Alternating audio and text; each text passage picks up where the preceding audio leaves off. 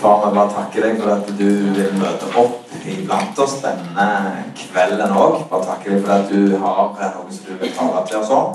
Eh, Så ber vi om at vi skal få lov til å bare lytte ifra ditt hjerte. Ber om at du bare kommer med ditt nærvær og din visdom, far, eh, som overbeviser oss og gir oss noe dypt inni oss som vi kan bygge livet vårt på. Jeg tror at dette skal få lov å være en sånn viktig kveld. Bare takker deg for alle som bare har prioritert midt i godværet, midt i eh, mange av de tingene som vi står i, som kan dras ut på andre ting, så, så har de bestemt seg for å være her denne kvelden. Det tar vi ikke som en selvfølge, men jeg ber om at du skal gi meg visdom til å ja, virkelig formidle noe som gjør at de kjenner at det var rett prioritering i kveld. Så vi bare ønsker deg velkommen. Amen. Nydelig å se dere eh, alle sammen. Det er et tema som jeg introduserte sist gang, som vi skal bruke litt tid på i kveld. Og det var følgende spørsmål. Hvordan kan vi tro på en Gud som tillater så mye lidelse i verden? Eh, det er gjerne ikke så mange predikanter du har eh, hørt før, som våger å rote seg inn i et sånt emne som det. Eh, Jeg sa noe om det sist òg, at eh, kanskje vi taler mer til hodet disse kveldene enn det vi har gjort før. Ikke så mye til hjertet. Så jeg advarer deg litt allerede nå. Eh, Spøk nikker litt her, jeg håper det er positivt. Men, men, men jeg, jeg, jeg utfordrer deg litt på, på liksom bare koble på den kanalen at vi, vi våger å pløye litt. Og ta tak, stille oss noen spørsmål, argumentere. Som vi gjerne ikke har veldig mye vane for å gjøre, eh, ikke minst i sånne frikirkelige kretser. Eh, Så, så det å våge å grave, det å våge å gå litt dypere av og til, det tror jeg er sunt. Og det skal vi også gjøre denne kvelden. Hvordan kan vi tro på en Gud som tillater så mye lidelse i verden? Det kan være et spørsmål du får i klassen din, på jobben din, i forhold til arbeidskollegaer. For det, det er et spørsmål som ofte kommer opp i de som ennå ikke har en personlig forhold til, til, til tro. Eh, Det har iallfall jeg manglet i mitt liv. Og del én som kommer nå før pause, skal vi prøve å lande rundt ti på halv fem halv ni Det er eh, følgende godt og ondt er faktisk ingen illusjon. Det er noe som er godt i denne verden, noe som er ondt, og vi skal gå litt mer i detalj på det. Det er en eh, kjent eh, kar som jeg skal sitere helt i starten her, som heter Francis A. Schaffer. Han eh, er vel gjerne en av verdens største tenkere, og han har skrevet over tre millioner bøker. Han grunnla et senter i Sveits som heter Laibri-senteret. Han var amerikansk teolog og apologet. Så han, han var en tenker. Og, og grunnen til jeg nevner det, er at jeg vil nevne noen andre tenkere òg i dag. fordi jeg har lyst til å trigge deg på Jeg vet ikke om du har vært inne på filosofi.no noen ganger sitt. Det burde jo du gjort, Terje. sant? Du liker jo filosofi. Men, men det, vi blir av og til litt sånn kristne og, og på en måte gjerne ikke våger å lese litt om de store tenkerne. Men det anbefaler jeg at du skal gjøre. For at eh, troen vår må ikke være så grunn at vi ikke våger å utfordre oss sjøl litt. Og jeg skal gjøre det i dag, for jeg skal nevne noen tenkere som tenker helt motsatt av det vi gjør. Og vi har godt av å oss på dem. Men, men poenget mitt er at Francis Schaffer var en av de tunge som på et vis har lagt et grunnlag for måten vi tenker på òg innenfor den kristne sfæren. Og det fins mange andre med han. som kommer tilbake til noen av dem. Eh, fordi at troen vår den har faktisk blitt rusta og tatt tak litt før. Han sier som følger Det må finnes noe absolutt om det skal eksistere moral. Og det må eksistere noe som ikke kan rokkes ved om det skal eksistere verdier. Om det ikke er noe absolutt bak menneskets ideer, så fins det heller ikke, ikke noe grunnlag for å dømme mellom rett og galt, sier Francis Schaffer.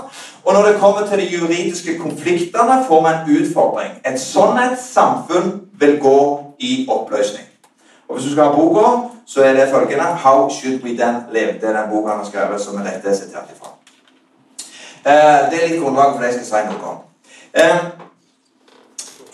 Går du på kino Jeg har jo sagt at jeg ble tatt på fersken i min ungdom. sant? På Tarzan-film, og jeg var livredd for hvordan det skulle gå hvis Jesus kom igjen. Men jeg skal ikke dra den historien nå.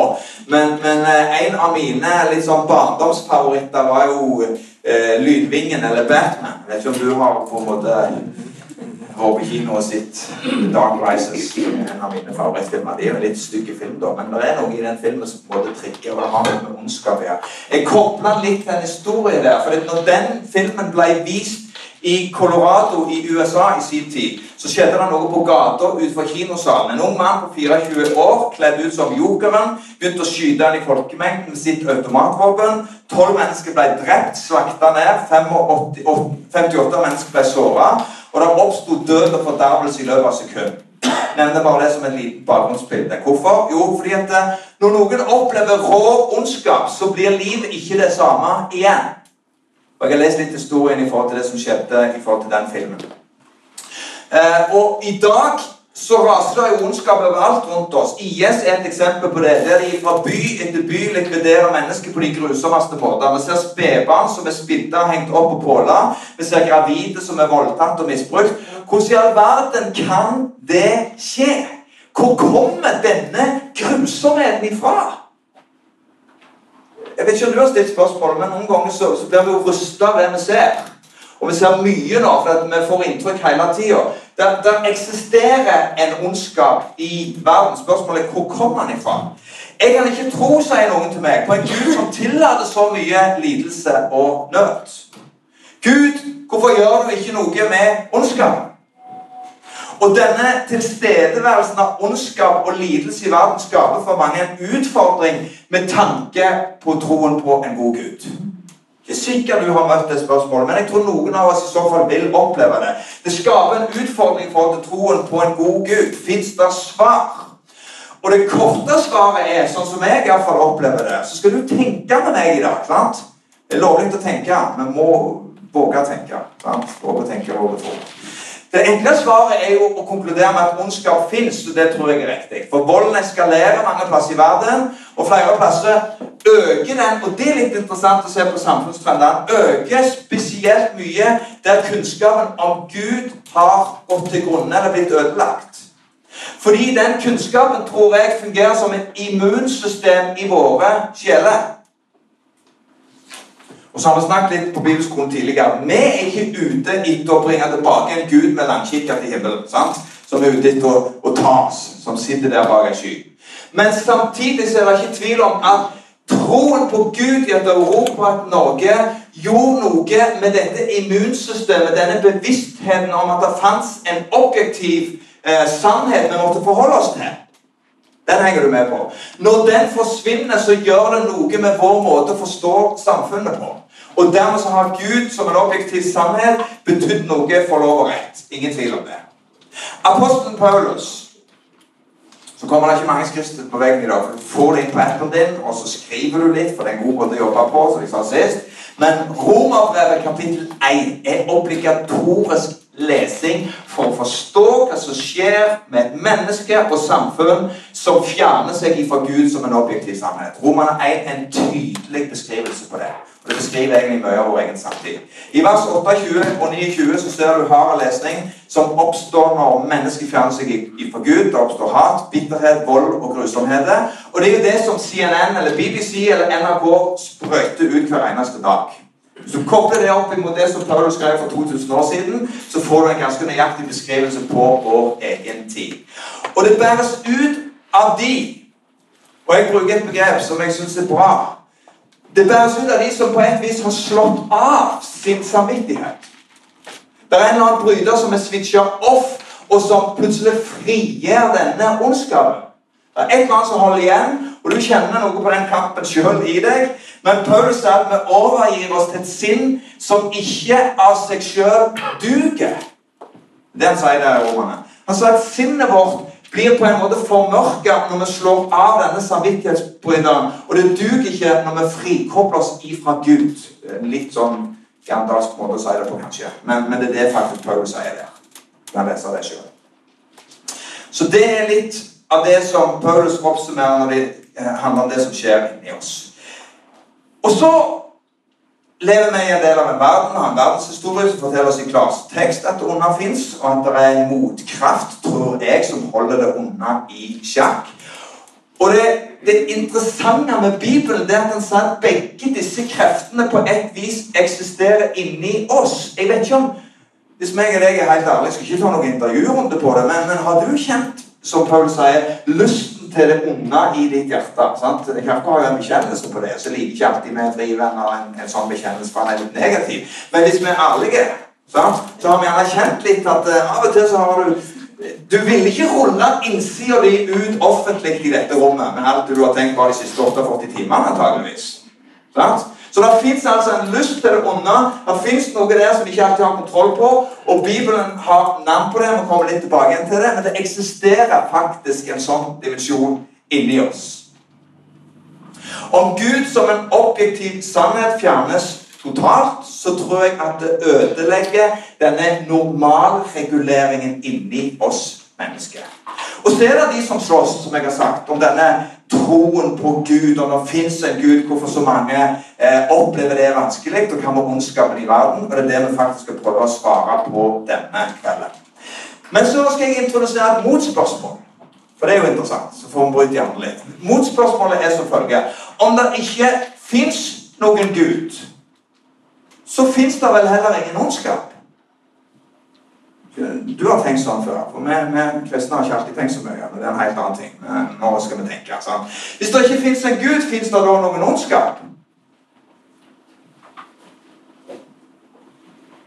Og Så skal ikke jeg presse deg på å svare på det, men jeg skal bare hjelpe deg til å komme i gang med en tenkerekke. Om det ikke fins, eller sagt på en annen måte Om ikke Gud finnes, så er gjerne bare ondskap en slags sosial konstruksjon.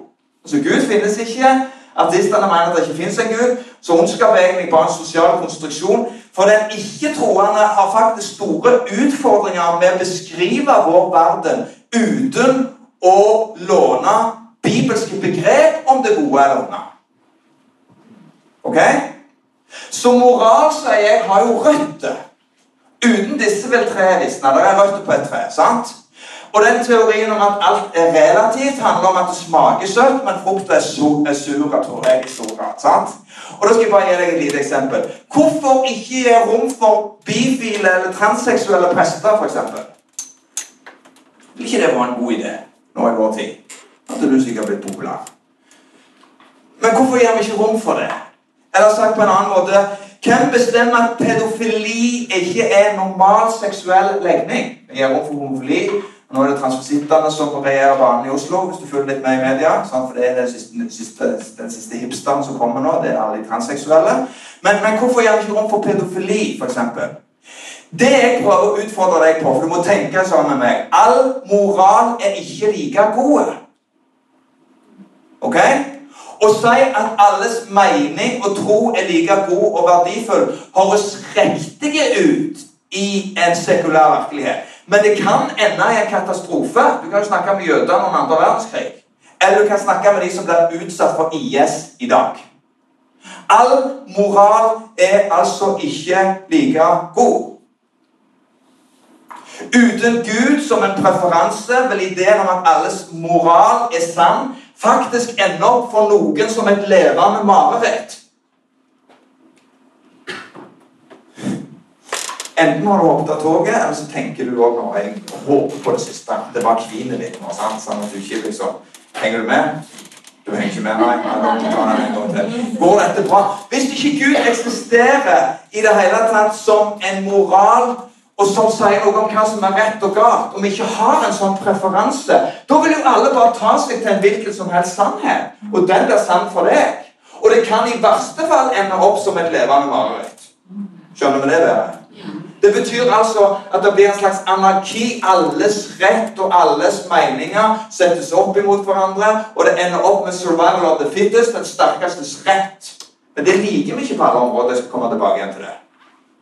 Jeg, jeg vet det kvinner, men jeg skal bare få deg i gang, så får du heller høre CD-en. Sånn, altså, du får på en måte bare spole tilbake igjen. Men dette er utrolig viktig, for det hjelper oss med å rydde i en del spørsmål inni oss.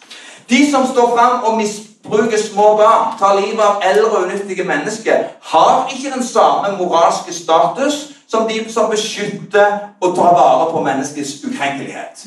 Jeg mener ikke om det. Ok? Og Da er mitt spørsmål hvorfor er du enig i det?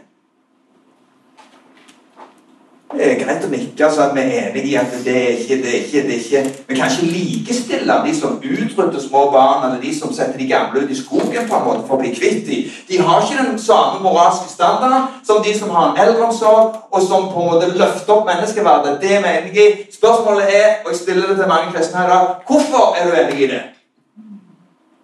For det er et bra spørsmål å stille seg. Jeg er ikke sint på deg. sant? Jeg ser bare desperat ut. det vet jeg. Men det skal gå bra. Jeg prøver bare å hjelpe deg til å få noen aspekter inn. For du skal bli god i trosforsvar, og disse spørsmålene er viktige for oss. For det er en grunn til at samfunnet vi er en del av, er såpass bra som det faktisk er i Norge i dag. Og vi har en mengde med folk som tar det som en selvfølge. Som blodhedninger ateister rundt oss overalt som på en måte argumenterer i troen mot Gud. Men du må kunne si noe om hvorfor landet vårt har disse moralske røttene, og som faktisk samfunnet vårt er bygd på, har ført oss der vi i dag. Ok? Det er viktige spørsmål, og vi trenger bryne oss litt på dem. All moral er ikke like god, tror jeg.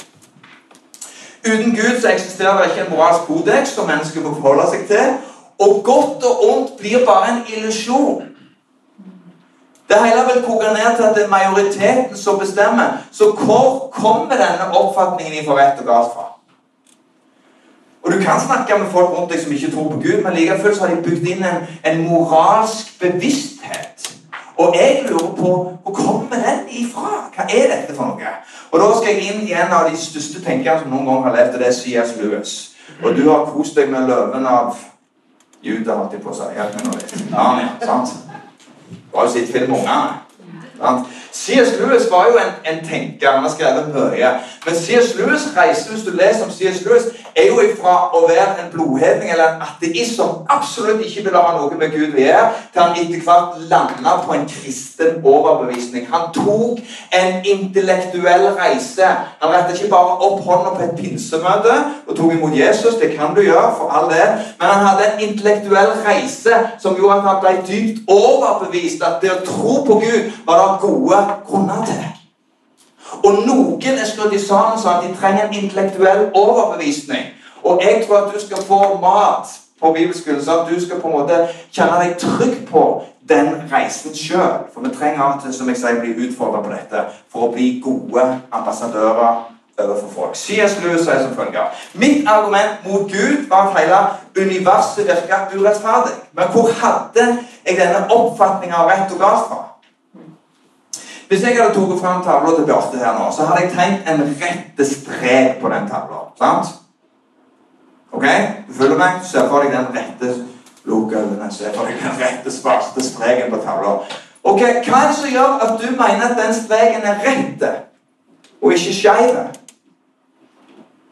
Fantastisk god nå, men jeg bare bryner hodet litt. sant? Det er jo fordi at noen har fortalt deg at den rette strek ser sånn ut. Du er med meg på det? Noen har altså Du er lært til å si at en rett strek ser sånn ut, en skeiv strek ser sånn ut, en krøllete strek ser sånn ut. Ok? Teologi. Men jeg prøver bare å forklare deg at du har med deg en måte å på en måte trekke konklusjoner på ut ifra det du faktisk har på en måte blitt påvirka av. Det det vil du sette litt navn på her. En mann kaller ikke en linje urett om han ikke allerede har en oppfatning av ei rette linje. Det er hans poeng. Og så går han videre og sier Hva sammenligner, eh, hva sammenligner jeg med når jeg buster ut mitt argument mot Gud? Jeg måtte erkjenne at noe måtte kalles riktig, og noe måtte kalles galt. At det eksisterte en moralsk lov som jeg ikke selv hadde skapt og som heller ikke vi kan rømme ifra. Det var ting oppdaget C.S. Lewis som på et vis var skrevet inn i våre hjerter fra en skaper. Det var hans konklusjon. Og sånn er det, tror jeg, at troende eller ikke-troende, teister, sånne som tror på Gud, eller ateister som ikke gjør det, det onde ikke bare rundt oss, men det er i oss alle. Det er inni oss. Og Derfor handler ikke ondskap primært om at Gud er fraværende i universet men at han er fraværende i våre liv, og et sånt fravær gir rom for ondskap. Og Du kan være enig eller uenig i den testen, men det er det vi faktisk ser når vi studerer samfunn. Så ser vi at fraværet av Gud åpner opp for en ondskap i større grad enn å faktisk han er til stede. Uten Gud som en objektiv moralsk vokter mister vi alle trygge rammer for hvordan vi skal leve. Og da er det sånn at jeg tror at verden trenger et moralsk fundament. En moral som bygger på autoritet. Hvor er basis for moral i vårt samfunn hvis den frikobles fra Gud? Det kan du stille disse som på en ikke vil ha noe med Gud å gjøre. Hvor er din basis da fra moral? Så skal jeg gi deg noen argumenter på hva som ofte kommer. da, sant? Om Gud ikke eksisterer, hvordan og hvordan kan vi ta moralsk ansvar? Hvem skal pålegge oss dette ansvaret? Og Så snakket jeg litt om autoritet, og da kan mange si ja, men jeg liker ikke autoritet. Jeg vil bestemme sjøl.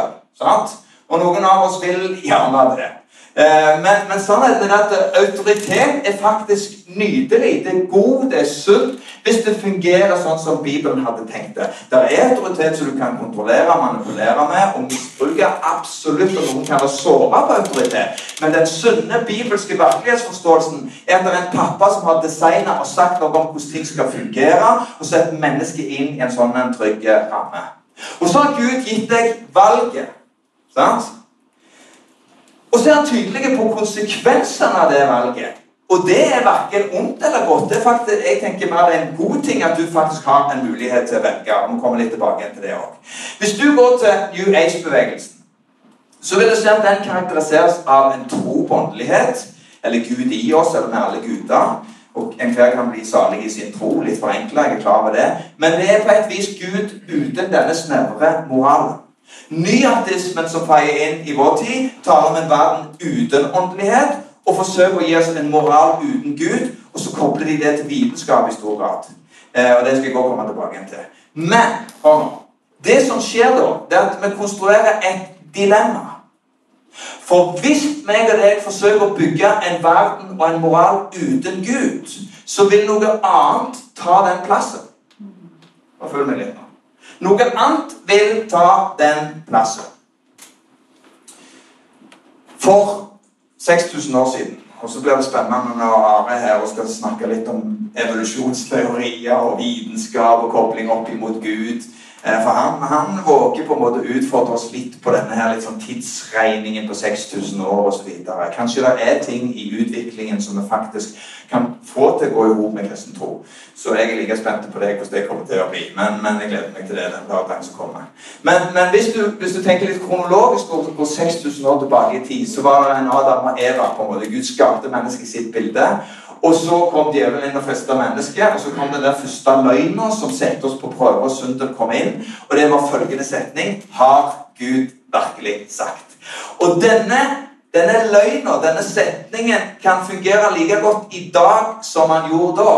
Vi er fortsatt der at vi ikke trenger noen Gud, eller vil sjøl bestemme i forhold til det som er rett og galt. Men når mennesket tar Guds plass og dette handler om det vi ser rundt oss i samfunnet. Nå, og, og, jeg tenker bare at valg nå, polit, politikk og alt det vi står i. Men, men når mennesket tar Guds plass, så vil det handle ut ifra egeninteresse veldig ofte, og ikke andres. Historien beviser eh, det veldig tydelig. Og flere i den typiske ateistklanen har da en idé om at vitenskapen skal innta denne plassen, som Gud har hatt. sant?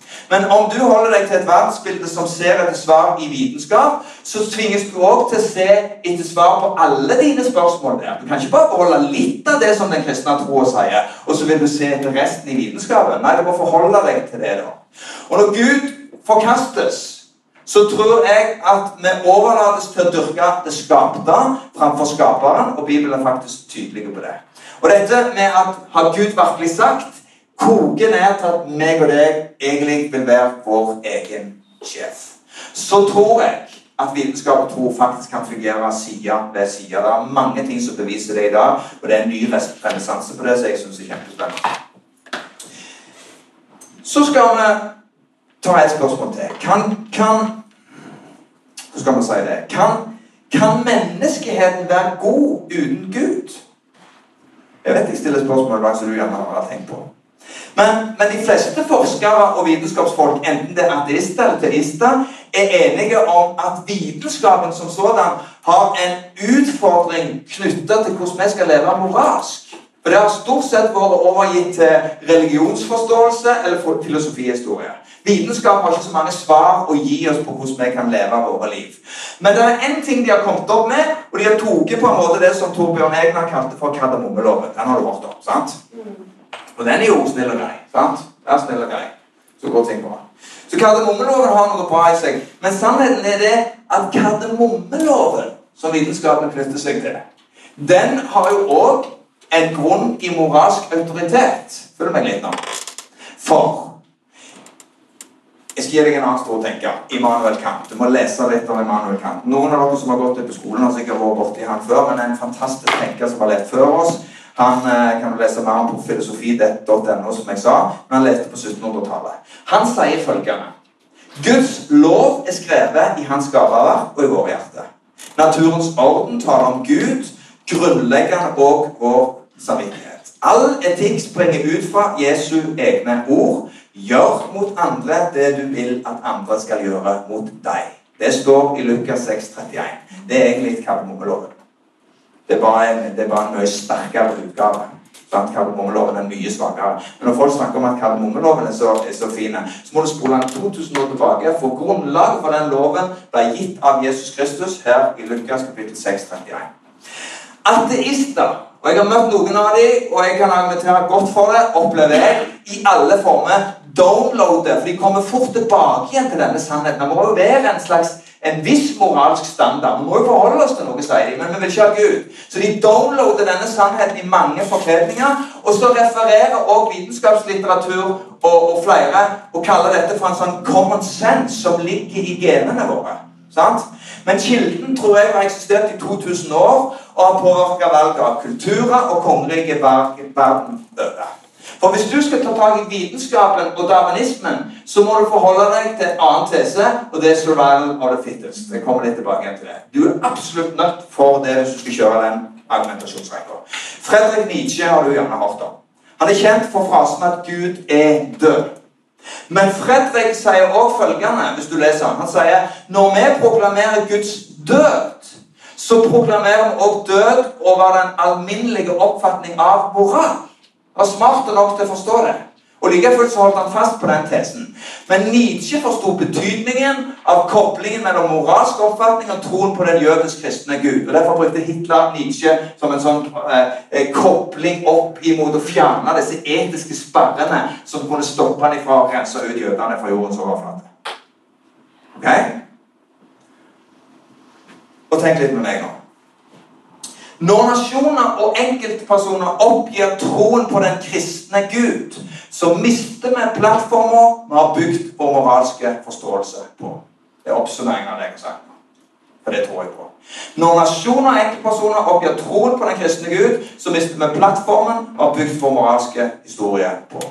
Du kan plukke bort troen på Gud og samtidig beholde det du liker med kristendommen.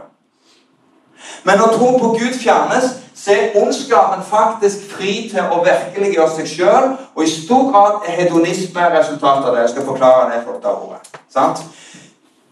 Jeg leser litt teologi. Det er en teologi som gjerne noen sliter litt med, for han er kalvinist. Det er jo litt utfordrende i vår tid hvis du følger debatten, men han heter John Piper. Men han har sagt noe veldig bra. Han leder et stort college-seminar i Minneapolis i, som heter Bethlehem College. Og Han sier som følger hvis vi skal være hedonister, så la oss for all del da være kristne hedonister. La Gud være vårt fokus. La vi speile oss i Han. La Han være den som på en måte er kilden i våre liv. Og det er bra sagt. For alternativet er at mennesket blir sentrum for tilbedelse. Og Det snakket vi om i fjor når vi tok dette med avgudsdyrkelse. Og vi ender opp, og det gjør vi i stor grad når vi fjerner Gud ut fra livene våre, vi ender opp i meg og vi ender opp i egoisme, og vi ender opp i nytelsessyke, som er datidens, nåtidens største svøpe, hedonisme. Altså dette, Hvordan kan jeg nyte maksimalt? Hva står i veien for min nytelse? Hvis det er unger som står i veien, kvitt deg med dem. Hvis det er andre ting som står i veien, få det vekk, for jeg skal nyte. Jeg er født for å nyte. Det, det er nåtidens hedonisme. Det er vår svøpe. Og vi kristne må avsløre det, for det er ikke vår vei. Og vi drar det til med inn i vi drar det faktisk litt inn i kirkene våre hvis vi ikke er observante på det. For Gud har plutselig, eller kan stå i fare for å bli en slags automat som vi trykker på. Og så får vi en slags hedonistisk innstilling at Gud er til for våre behov. mer enn at vi skal få tilbe ham. Og hvis vi snur om på det, så får vi en feil teologi som handler om oss i sentrum. Hvordan vi kan lykkes, hvordan vi skal bli så vellykka, hvordan Gud skal hjelpe oss til å lykkes. Og det er et helt annet evangelium. Men det er en helt annen bibelskole. Men jeg ser dette, for det er en fare. Vi må avsløre det, for det er egentlig ikke evangeliet. Evangeliet handler ikke om meg primært. Han kommer etter oss. Gud er en god pappa. Jeg er ikke ute at du skal få et vrengbilde av det, men det handler ikke om meg og min nytelse primært. Det gjør oss til late, feite, vestlige kristne. Uff a meg. Jeg håper meg sjøl på CD etterpå, så ble jeg har sagt. Så nå kommer han sammen. Den må jeg fjerne. All right. Håp du skal snart få kaffen til. Men du skal få med deg en liten interessant tanke her. Det er en interessant mann som du kan lese, som heter Richard Dawkins. Og Han er darwinist. Han er atferdsbiolog. Han er britisk født.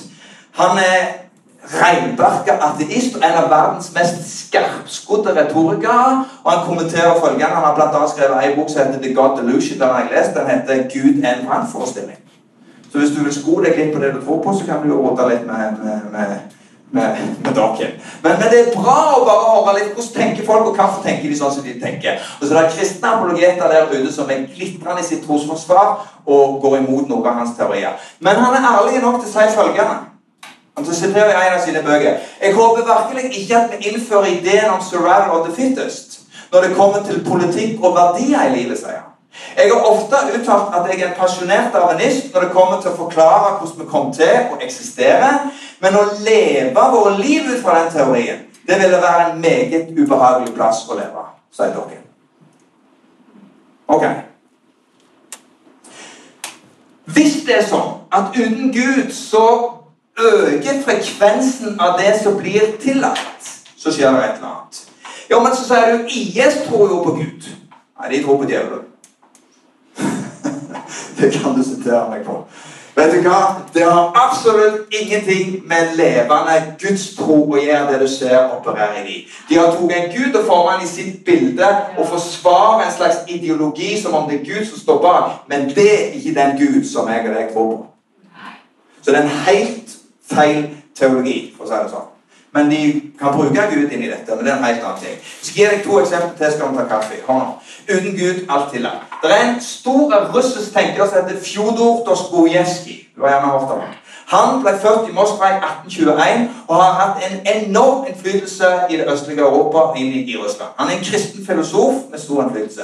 Han har skrevet flere bøker. To av de mest kjente utgitt i mellom 1866 og 1880. Den ene heter 'Crime and the Punishment', og den andre heter 'Broder Karmasov'. Og Han beskriver den ene boka for jeg har lest litt av, av han. Han skriver at hvordan blir en nasjon som ikke lenger tror på Gud, når han konkluderer uten Gud blir alt tillatt? Vi kommer tilbake til hans reise. Så det er en annen kjent forfatter som heter Jean-Paul Sartre. Sartre levde mellom 1905 og 1980. Han var fransk filosof. Den mest fremtredende vestlige tenkeren som former ateistisk eksistensialisme. Jeg skal hjelpe deg litt med det ordet òg. Eksistensialisme. Det er som følger Hvis du skal jobbe med teorier om å forstå hvordan mennesket fungerer i forhold til angst i forhold til frihet, lidelse og synet på død, men bare fristille det for Gud og komme opp med en slags teori som gjør at vi fjerner Gud, så kan du lese Jean Paul Sartre. Men han kommer ut med en helt annen konklusjon enn det som Dostojevskij gjør. Dostojevskijs grubling og tanker omkring rett og galt endte med at han overga, han overga seg til troen på Jesus Kristus. For noen som du snakker med, får det til så høres ut som at går det an å tro på Gud i 2015. How stupid can you get? De mest skarpskodde folk som har levd, har landa på konklusjonen at det er smartere å tro på Gud enn å tro på noe annet. Så du må ikke la deg vippe av pinnen av en eller annen på jobben i TS-uniform og hjelmen på sneisen liksom kommer her og skal forklare deg at det er idiotisk å tro på Gud.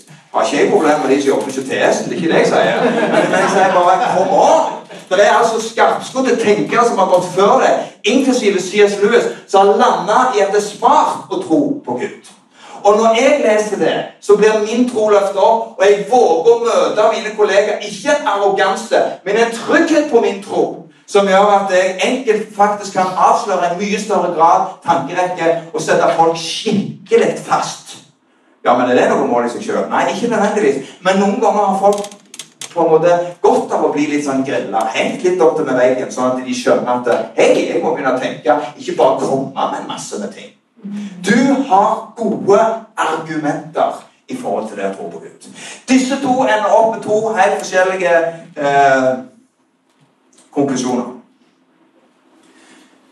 Han bladet Dostojevskij, og så sier han hans konklusjon etter å ha studert Russlands historie blant annet, så sier han, om du eliminerer Gud, tar samtidig bort fundamentet av moral som samfunnsbygger. Det er to store tenkere som jeg har nevnt her. Den ene ender opp en helt annen plass enn den andre med forskjellig konklusjon. Det er lovlig. Men hør, i tro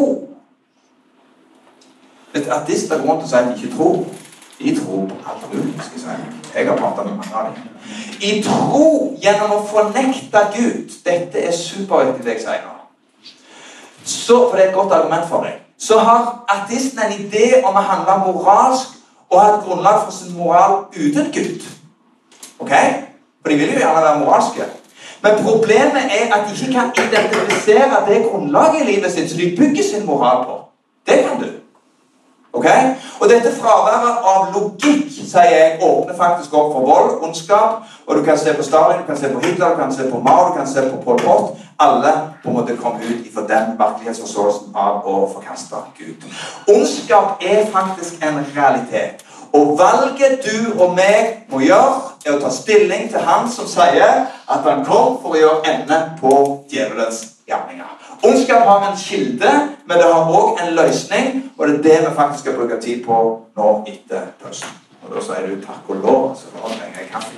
Og er vi i gang med del to i kveld. Og så prøver vi å ha respekt for tida, og så skal du få spise samtidig. Så gjør vi to ting samtidig. Det skal vi klare. Nå er det litt enklere enn som kommer nå. Håper jeg.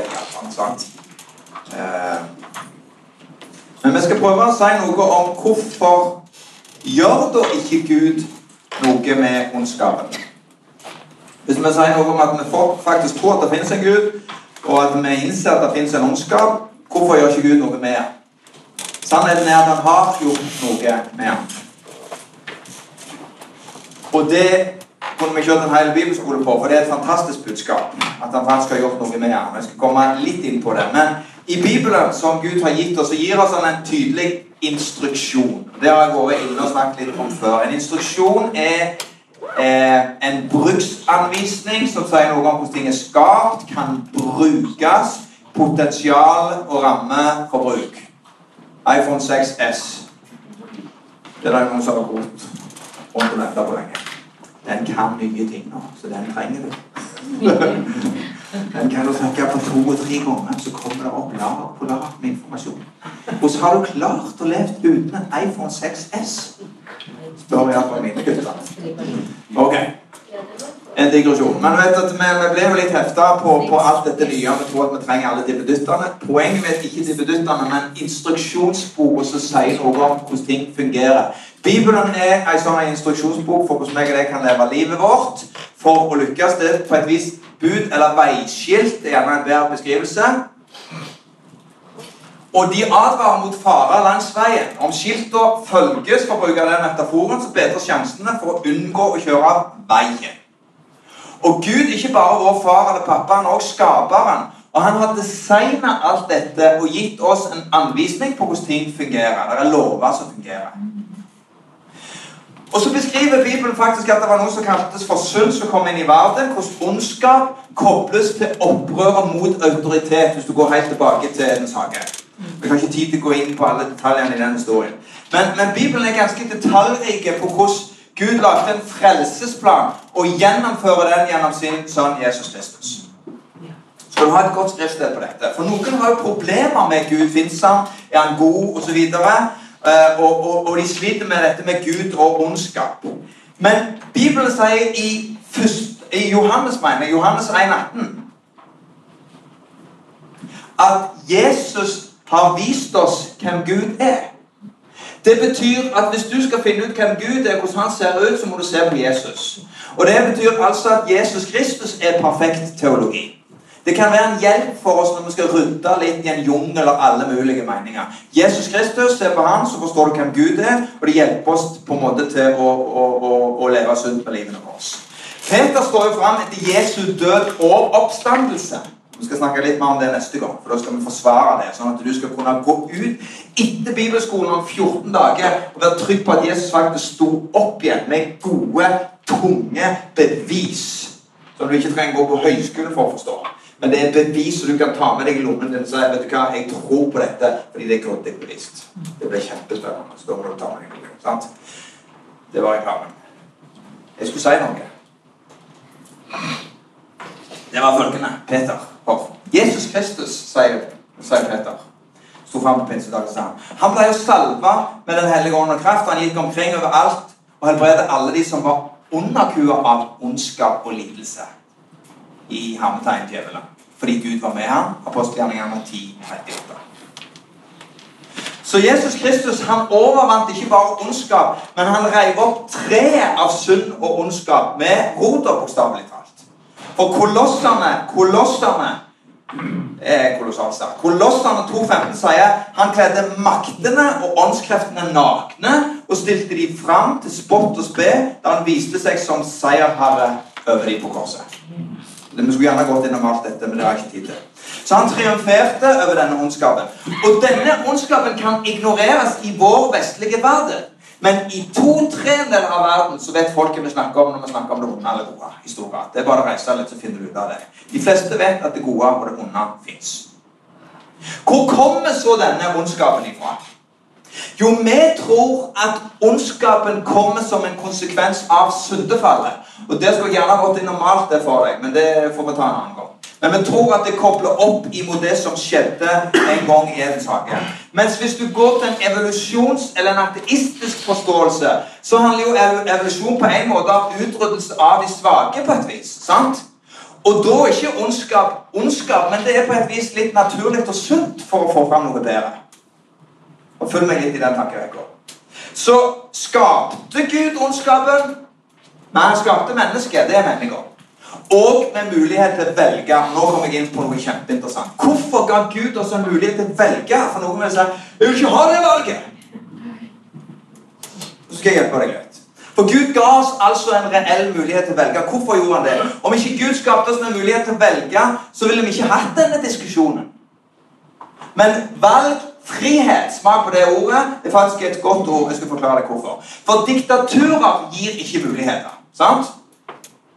Fundamental frihet mangler, og vi lever i en verden skapt av Gud nå som gir oss mulighet til å velge. Tale, uttrykke oss, mene forskjellig. Selv i kirkene våre. Noen ganger kunne jeg ønske at folk var litt mer enige med pastoren. Men, men Gud har nå gjort det sånn. Det er òg en helt greie. Men hør. Du kan være glad for at du får velge. For demokrati springer ut av det kristne menneskesynet. Vi har en mulighet til å stemme fram viraken hvis vi vil. Så skal ikke jeg gi meg inn på en svær eh, debatt på det. Men vi gis faktisk en mulighet til å velge i et demokratisk samfunn, og det er noe bra i det. Christopher Hitchens, som døde i 2011, han var britisk forfatter av bl.a. boka 'God is not great'. Argumenterer mot Gud og sier Gud som enehersker fungerer som Nord-Korea, sier han. Men ironien i et sånt argument er at om det var sant, så ville hans stemme faktisk aldri bli hørt. Følg meg litt nå. I Guds verden, derimot, det er det som er fantastisk med det kristne budskapet, blir Hitchens stemme hørt. Gud har gitt oss retten til å velge med en forståelse av at vi kan velge feil. Det er en annen ting. Gud skapte ikke en gjeng med roboter programmerte etterfølgelse men ga oss det privilegiumet og det ansvaret det er å velge. Du kan se det som en rød tråd gjennom Bibelen. Skal jeg deg to skriftsteder bare? 5. Mosebok, 5. Mosebok 30-19. 5. Mosebok 30-19. I dag tar jeg himmel og jord til vitne mot dere. Jeg har lagt fram for deg liv og død, velsignelse eller forbannelse. Velg, velg da livet, så du og dine etterkommere kan leve. Josfa får den samme oppskriften i kapittel 24, vers 15. Velg i dag hvem dere vil tjene. Det var faktisk Josfa som stilte det spørsmålet framfor folket. Han ga dem et valg, men han sa meg og mitt hus har bestemt oss. Vi vil følge Amen. Så du ser dette med valg, det er full Bibelen som en rød tråd. Det gjør at en kan velge både det gode og det onde. Og Gud kunne jo Skal jeg gi deg en liten metafor her? sant? Vi må tenke litt i denne seksjonen. også. Gud kunne skapt tre verdener. Han kunne skapt punkt nummer én en verden av kontroll. Altså ingen valgmulighet. Du var programmert på forhånd. Sant? Som en annen datamaskin. Du bare gjorde det som skaperen bestemte. Sant? Og så kan du si at Mange vil egentlig ha sin frihet for i neste øyeblikk å forbanne at vi har den. Som er litt ambivalent i forhold til det. og det skal jeg også komme litt tilbake til. Men han kunne altså skapt en verden av kontroll. Han har ikke gjort det. Han kunne skapt en verden av kaos. Altså en verden skapt der skaperen overgir alt i våre hender. Gjør hva dere vil. Survival of the fittest. Og svært få ville valgt den veien. Men han har skapt en tredje. Han har skapt en verden av samarbeid, valgmulighet, pakt og relasjon. Det var det Gud skapte. Og dette er rammen Gud valgte. Og han ga mennesket reell valgmulighet. Men òg konsekvenser for våre valg. Så skal jeg brenne hjernen litt. Ja, men Det holder du på med hele tida. Ja, men et bitte lite dypdykk nå. Sant? Hold deg fast. Gud skapte altså mennesker med fri vilje. Menige om det? Vi er ikke roboter, vi skaper med fri vilje. Til å kunne velge rett og galt. Og så har noen en idé om frihet, men der en ikke kan velge feil. Altså, Jeg vil ha friheten, men jeg skal ikke ha mulighet til å velge feil. Men om en ting er fri til å være god, så er den også fri til å være ond. Og friheten er jo det som gjør ondskap mulig. Hvorfor ga Gud oss så den muligheten? Jo, fordi fri vilje, selv om det gjør ondskap mulig, er det eneste som gir kjærlighet, godhet og glede verdi. For Hvis ikke du hadde hatt mulighet til å velge, så hadde du vært en robot styrt mot det gode. Det kunne du blitt. Men at du har en reell mulighet, gir deg en mulighet til å velge det gode. Hvis du har en pappa hjemme som elsker deg fordi han bare må, så strever du. Men hvis han gjør det fordi han har lyst, og at det er et gjensidig kjærlighetsforhold som er bygd på tillit og respekt, så er det et eller annet i det valget som gjør at du setter mer pris på det. Du ville ikke, ikke satt pris på din families kjærlighet om du ble tvingt til å elske dem. Ville du det? Nei, du gjør det fordi du gjør det frivillig. Frihet Valgmulighet, smak på ordene. Det er ikke Virak som har kommet på det, men det er født ut ifra en bibelsk tankegang. Velsignet med Viraket, for all del. Men demokratiet og måten det vestlige samfunnet har kommet til på, er fordi det er i stor grad folk som har tenkt før oss, som har gått til Bibelen, tatt de prinsippene og begynt å bygge politiske system på den plattformen. Så sier du kan vi blande politikk og kristendom? Skal vi ha kristne partier? Ikke dra meg inn i den greia. Eh, jeg tror grunnleggende meg og deg er kalt til å bringe Jesus ut. Sant? Så tror jeg absolutt at det er de som skal inn i politikken. Men det er ingen tvil om at det kristne menneskesynet har betydd mye for en sunn politisk utvikling i veldig store deler av verden. Det er bare å lese historie, så vil du forstå det. Ok, Så dette samarbeidet gir også Gud oss faktisk mulighet til. En verden som er av programmerte mennesker, vil det neppe være verdt skapa. Fri vilje, selv om det er ondskap mulig, er det eneste som gir kjærlighet, godhet og glede verdi. som jeg sier. Og så er spørsmålet som noen stiller. Jo, men Gud, kan ikke du bare fjerne ondskapen din fra verden? Og hvis du leser åpenbaringsboka, så vil han gjøre det en dag. Sant? Så du kan bare lese slutten på boka, så vil du se at en, en dag vil gjøre det. Men jeg skal avslutte med noen tanker som kanskje utfordrer oss litt, men som jeg tror kan hjelpe deg i forhold til dette som handler om ondskap, og ikke minst det som handler litt om lidelse. For uten mørket, som vi nå ser Sigi ute, så vil ikke du kunne definert lyset.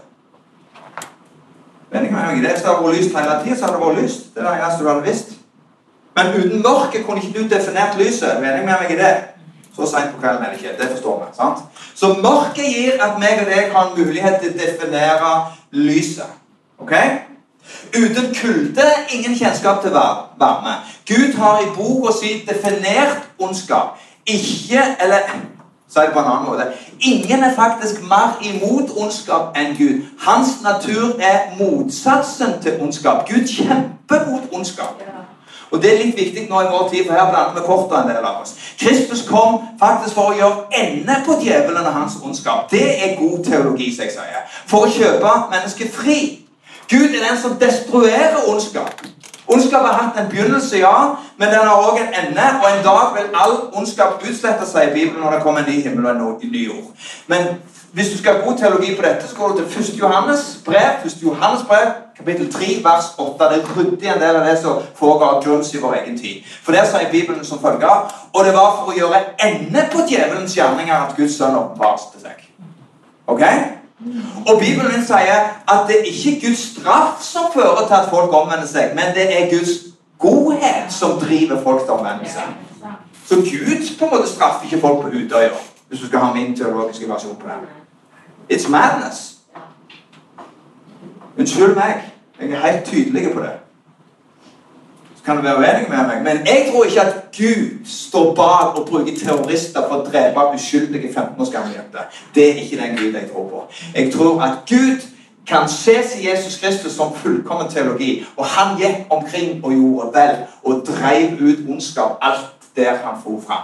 God teologi er at Guds godhet driver mennesket til omvendelse. Det betyr ikke at det kommer en dom en dag. Absolutt kommer det en dom over denne verden. Og den dommen kommer til å være rettferdig. For uten en rettferdig dommer så har vi en grunn, syltynne teologi. Det må være en rettferdighet i tingene. Sånn at folk skal fram for Kristi domstol og få en dom. Fordi det, er det holder oss ansvarlige overfor den Gud som har skrudd oss i sammen og skapt oss. Så kunne vi tatt en svær runde på det. Men det er helt opplagt at grunnleggende så er Gud god. Jesus kom for å gjøre ende på djevelens gjerninger. Og jeg tror at vi må vokte våre hjerter for ondskapen. For du ser, egoismen plasserer meg i sentrum.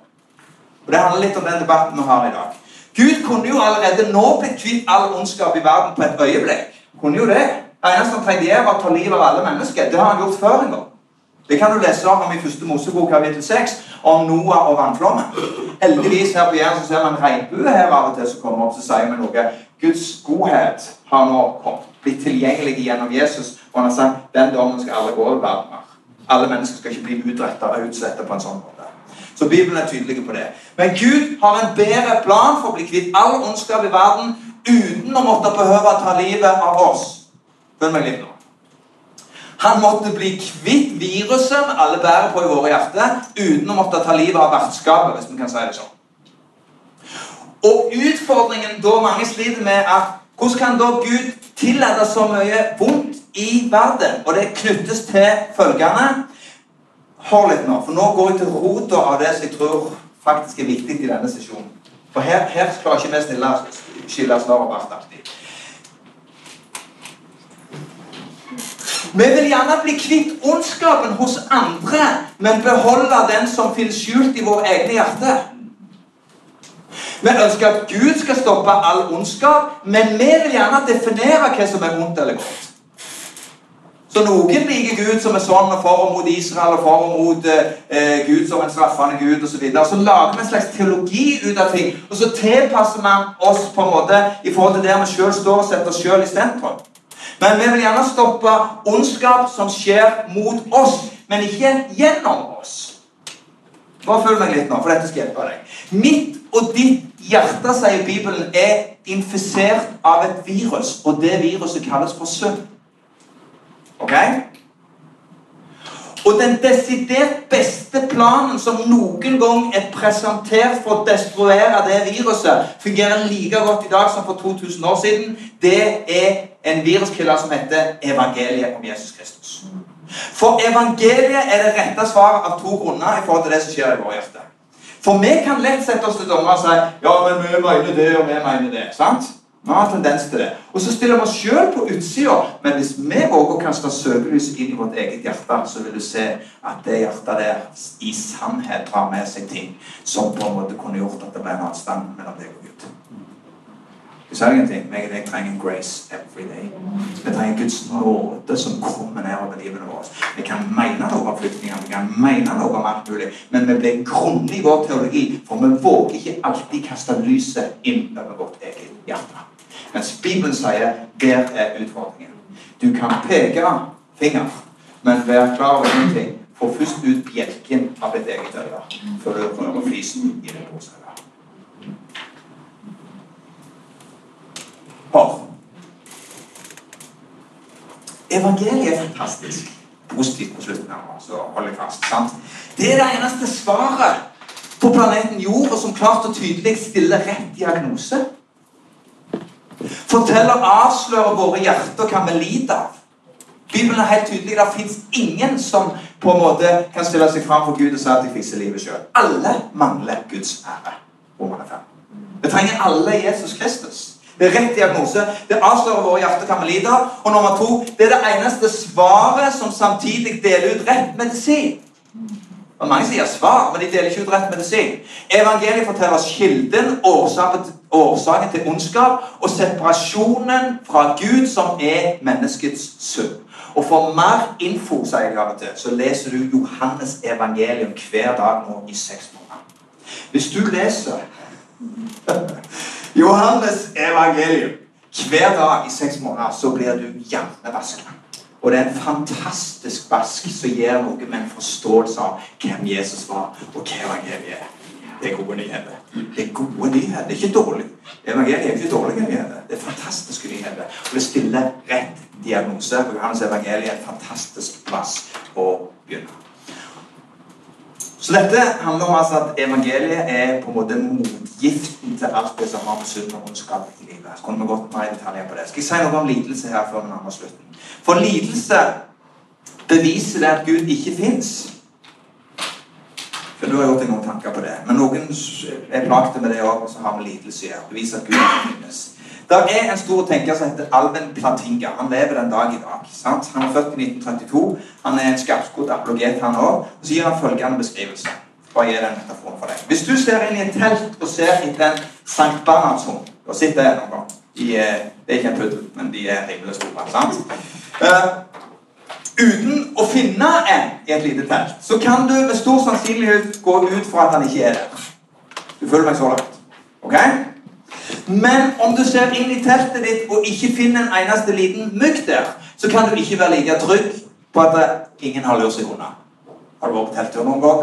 Du var trøtt og rensa hele teltet, så våkner du og ser hele beina dine oppspist av mygg. Så det var fire der allikevel, så du ikke fikk ut. sant? Du kan altså ikke være like trygg på at det sneker seg noen inn som du ikke har sett. Han bruker det som en tenkerekke, bygger en bro til følgende. Vi kan ikke utelukkende trekke konklusjonen Gud fins ikke på bakgrunn av lidelse. Altså, hvis en god Gud, hvorfor tillater han lidelse? og tillater han ondskap? sant? Ja, men Det er noen av tesene du vil høre der ute. Og jeg skal gi deg noen glitrende argument her på slutten. Historien om Josef har du lest i Bibelen. Så ikke må du lese det. Et veldig bra eksempel på dette. Det var faktisk en arrogant ung mann som ble hata av sine brødre for sin arroganse. Kan si at Gud tapte der? Det gjorde han, men han fremstilte seg sjøl i et litt dårlig lys. leser du historien.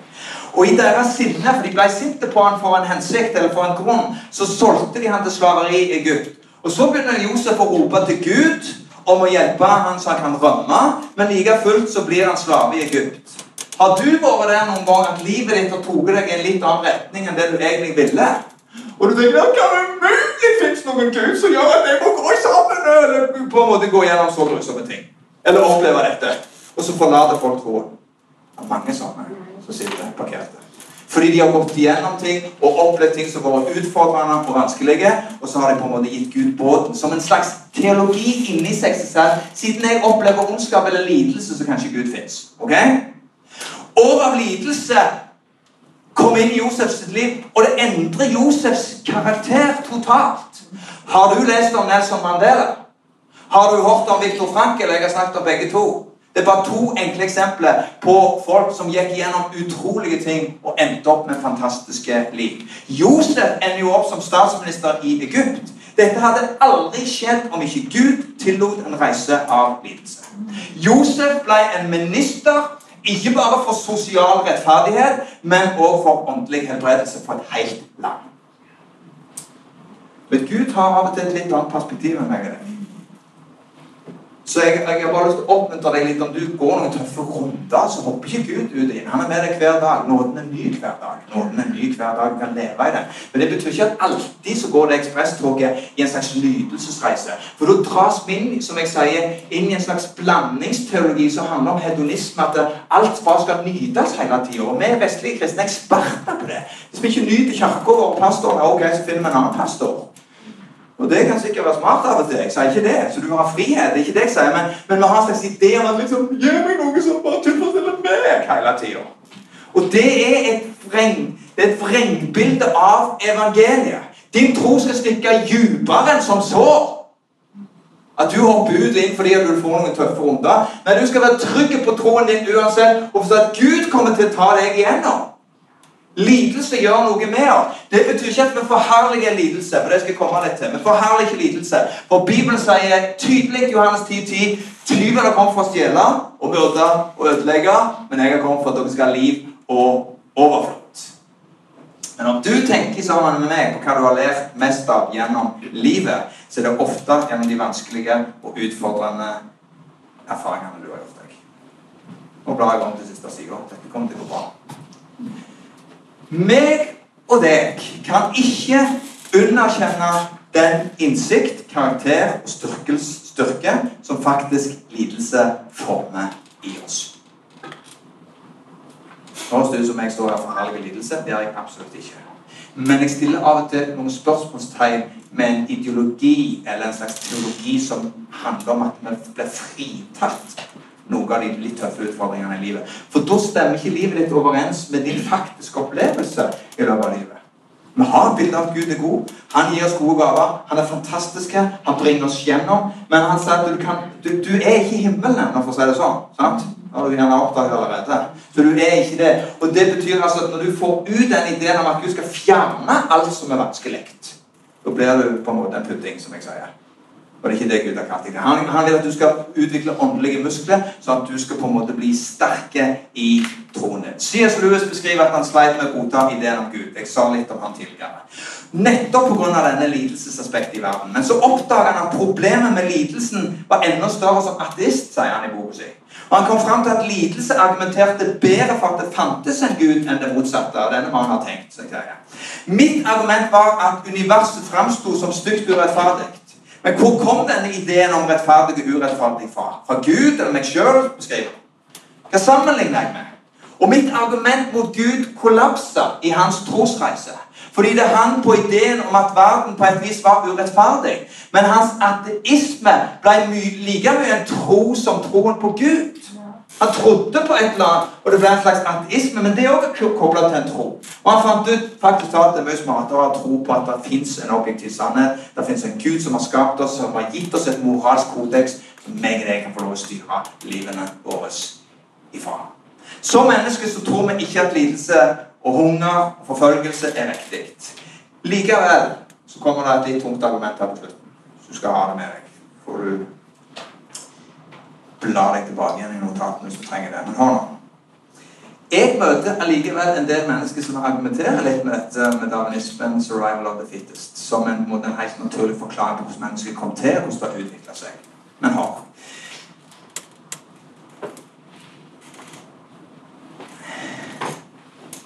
Evolusjon og naturlig utvelgelse er jo avhengig av død og destruksjon av det svake.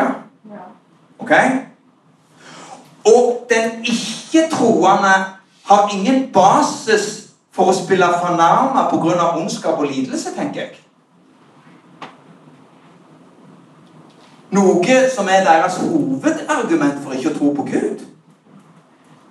Jeg mener, de, de, de vil forholde seg til darwinisme eller survival of the fittest. Og samtidig så argumenterer de imot at det kan ikke finnes en gud, for Gud ikke er god. Men hvis du går grunnleggende til tesen om darwinisme, så snakk med Dawkins, som er en av de mest skarpskodde eh, retorikerne på dette. Han sier at eh, vi har et dårlig argument. Jeg, jeg, jeg er en, en, en, en ihuga darwinist, men jeg skjønner at det å leve politisk eller styre livet mitt etter en darwinistisk forståelse av the survival of the fittest, det vil jeg absolutt ikke gjøre. Jeg er med på denne argumentasjonen. Jeg vet det er sant nå, men, men dette, er, dette, er, gode kjerneargumenter som gjør at du kan utfordre disse artistene du har rundt deg da, på troen sin. For de tror. Egentlig så er det en syltynn eh, grunn ofte når du begynner å pirke i det. Vi har bare vært litt feige med å feige ut på dette. For vi blir så enormt følelsesmessig styrte. Uh, kjenner jeg godt, så går det bra. Du må slutte med det der føleriet. Jeg elsker følelser. Jeg er en følelsesklump for all del. Jeg elsker følelsesladde møter. Men jeg skjønner at jeg kan ikke bygge livet mitt på det. Og det er dager jeg står der jeg ikke føler godt. Men like fullt så velger jeg å fortsette å leve og tro på Gud. Men det må komme en grunn i oss som på en måte blir en sånn trygg plattform som kan hjelpe deg til å komme fram til disse gode, rette konklusjonene, selv om du går gjennom litt utfordrende ting. Så jeg har ikke i mål. Har. Hvis vi da igjen, helt på tampen, stiller spørsmålet hvorfor tillater Gud lidelse ondskap og fortsette, så gjør vi en ting til. Samtidig så løfter vi blikket og ser på Jesu Kristi kors. Så skal jeg gi deg en setning. Da vet vi iallfall hva svaret ikke er. Så skal jeg argumentere for dem. For det kan umulig være fordi Gud ikke elsker oss. Det kan ikke være fordi han ikke vil identifisere oss med oss i vår tilstand. For Gud tok vår lidelse så seriøst at han tok alt på seg sjøl. Smerte, lidelse, forakt, sport, hat, sinne, bitterhet. Alt, sier Bibelen, ble lagt på ham. Hvis du går til Jesaja 53, så, vil du se at det står at han, Jesus Kristus, ble såra for mine og dine overtredelser og lovbrudd. Han ble knust for mine og dine synder. Straffen ble lagt på ham. Vi fikk fred. Og ved hans sår ble vi helbredet. Om du og meg, konklusjon, omfavner denne kristne tanken om korset, så kan du samtidig ha en dyp fred og styrke som kan gjøre at du møter lidelse og nød på jorda. Du kan med sikkerhet vite at den Gud som har gitt seg sjøl navnet Immanuel, Gud med oss, er med deg sjøl når livet er vanskelig. Og jeg har sagt i Johannes 10.10.: Tyven kom for å stjele, burde ødelegge, men Jesus kom for at du skulle ha liv og overflod. Jeg vet jeg har gitt deg noen utfordringer i kveld. Du må gjerne tilbake og pløye litt, høre på denne talen en gang til, gå innom notatene og jobbe litt, men jeg utfordrer deg til å gjøre det. Fordi det gjør noe med mitt og ditt liv å få lov å legge et sånt trygt fundament i livet. Jeg, når jeg har holdt på å med dette, så bare kjenner jeg jeg er mer og mer begeistra for den troen som jeg får lov å ta del i. Jeg er mer og mer begeistra for Jesus. Jeg er mer og mer begeistra for dette fundamentet som jeg kan få lov å sette mine bein på. Og jeg er mye tryggere inn i møte med andre mennesker. Blir du mer arrogante? Nei, du blir mye mer ydmyk. Du kommer ikke inn som den Vet du, Usikkerheten som jeg sa sist gang, som fører oss inn i arroganse. Og vi blir litt sånn lettvinte løsninger. Men vet du hva? Det du bygger ditt liv på, er ikke lettvinte løsninger. Det er gjennomtenkt, det er fundamentert fra tidenes morgen av Han som har skapt oss og skrudd oss i sammen. Og dette kan du trygt bygge ditt liv på. Og da sier jeg ja. Så velsigner jeg deg ut i hverdagen din. Det har jeg bare lyst til å si. Jeg velsigner den troen som spirer fram i deg. Jeg velsigner deg som gjerne er litt underveis og sitter med sverd. Med, med, spørsmål som du ikke har fått svar på ennå. Men jeg velsigner den det gryende håp i deg som jeg ser vokse fram. Jeg velsigner deg, deg som har begynt å kjenne på Wow! Det fins visdom og god argumentasjon i å tro på en levende Gud. Det i deg velsigner jeg. For det er ditt håp. Du skal få bygge ditt liv på det. Amen. Ok?